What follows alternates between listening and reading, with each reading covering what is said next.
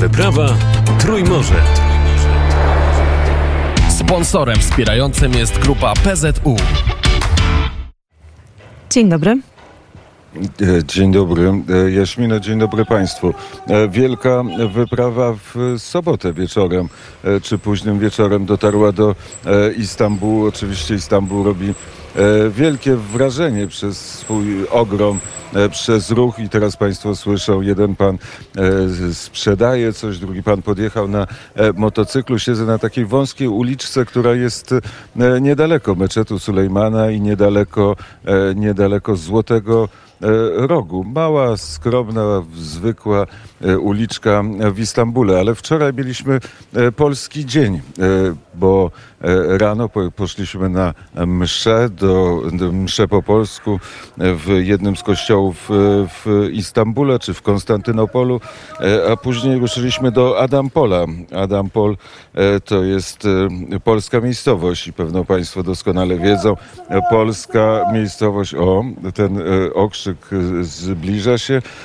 Zaglądam do pudełka, co jest w tym pudełku. No nie, nie, nie, nie wiadomo, czy to są listy, czy to są papiery, czy tu jest jakaś e, kolorowa, kolorowa e, szmatka.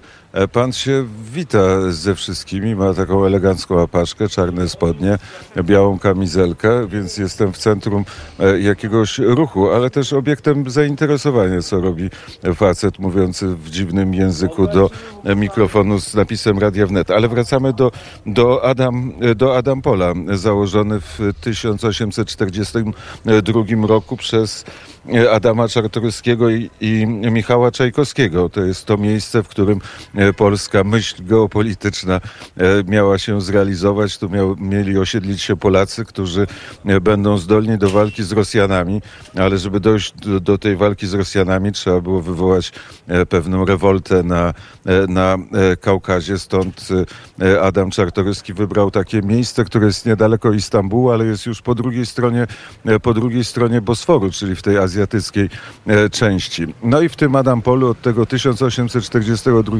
roku e, mieszkają e, Polacy. Teraz jest to piąte i szóste pokolenie Polaków.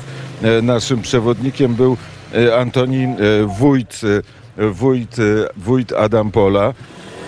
Ruch jest duży, wójt Adampola, a rozmawialiśmy No, opowiadał historię. Byliśmy u cioci Zosi, to jest takie miejsce, Izba Pamięci. O tym wszystkim będziemy Państwu e, jutro bardziej szczegółowo e, opowiadać, a teraz posłuchamy, e, co opowiedział nam najstarszy teraz mieszkaniec Adam Pola.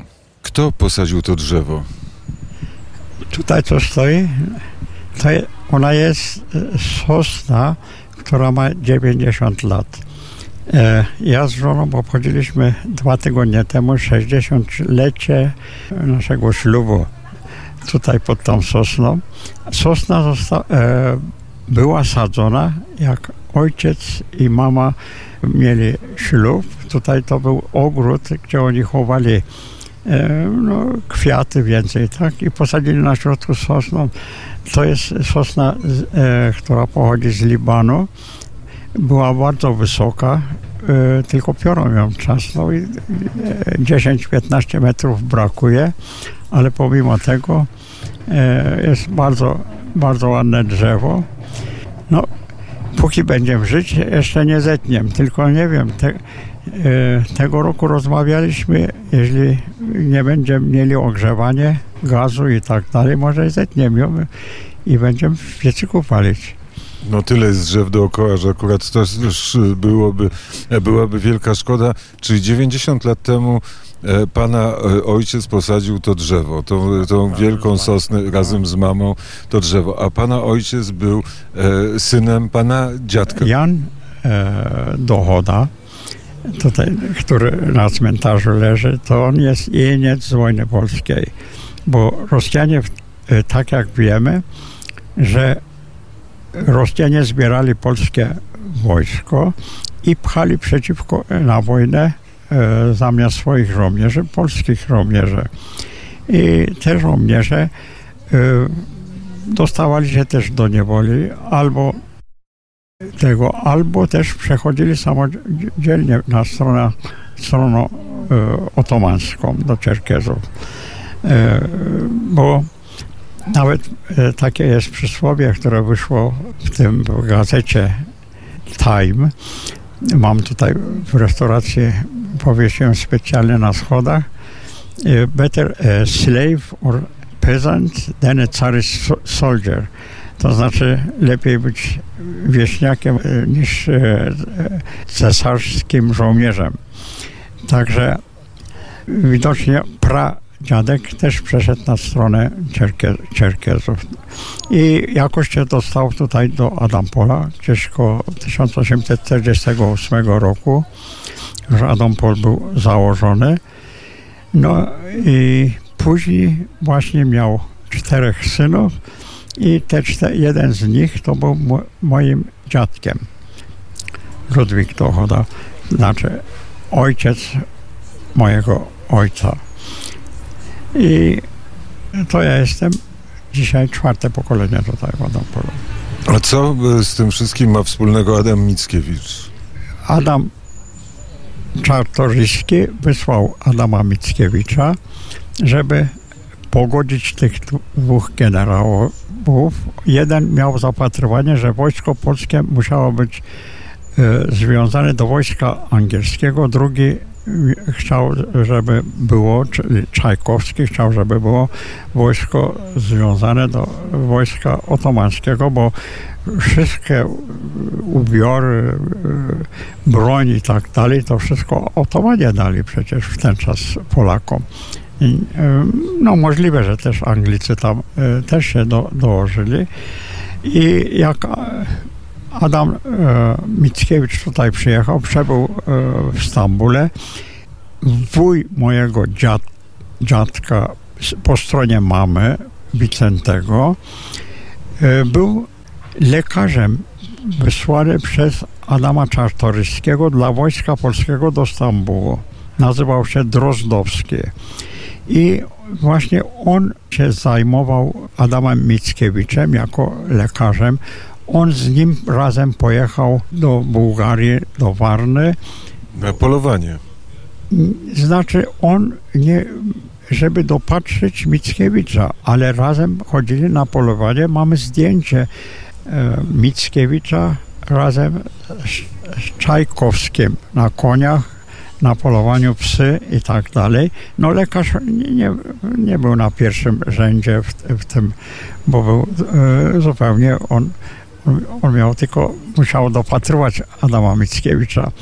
I jak Mickiewicz zachorował już tam, tutaj przyjechał do Stambułu, e, wuj e, Drozdowski był lekarzem, e, zwołał drugich lekarzy też do konsultacji i tak dalej, tylko nie mógł wyratować Adama Mickiewicza.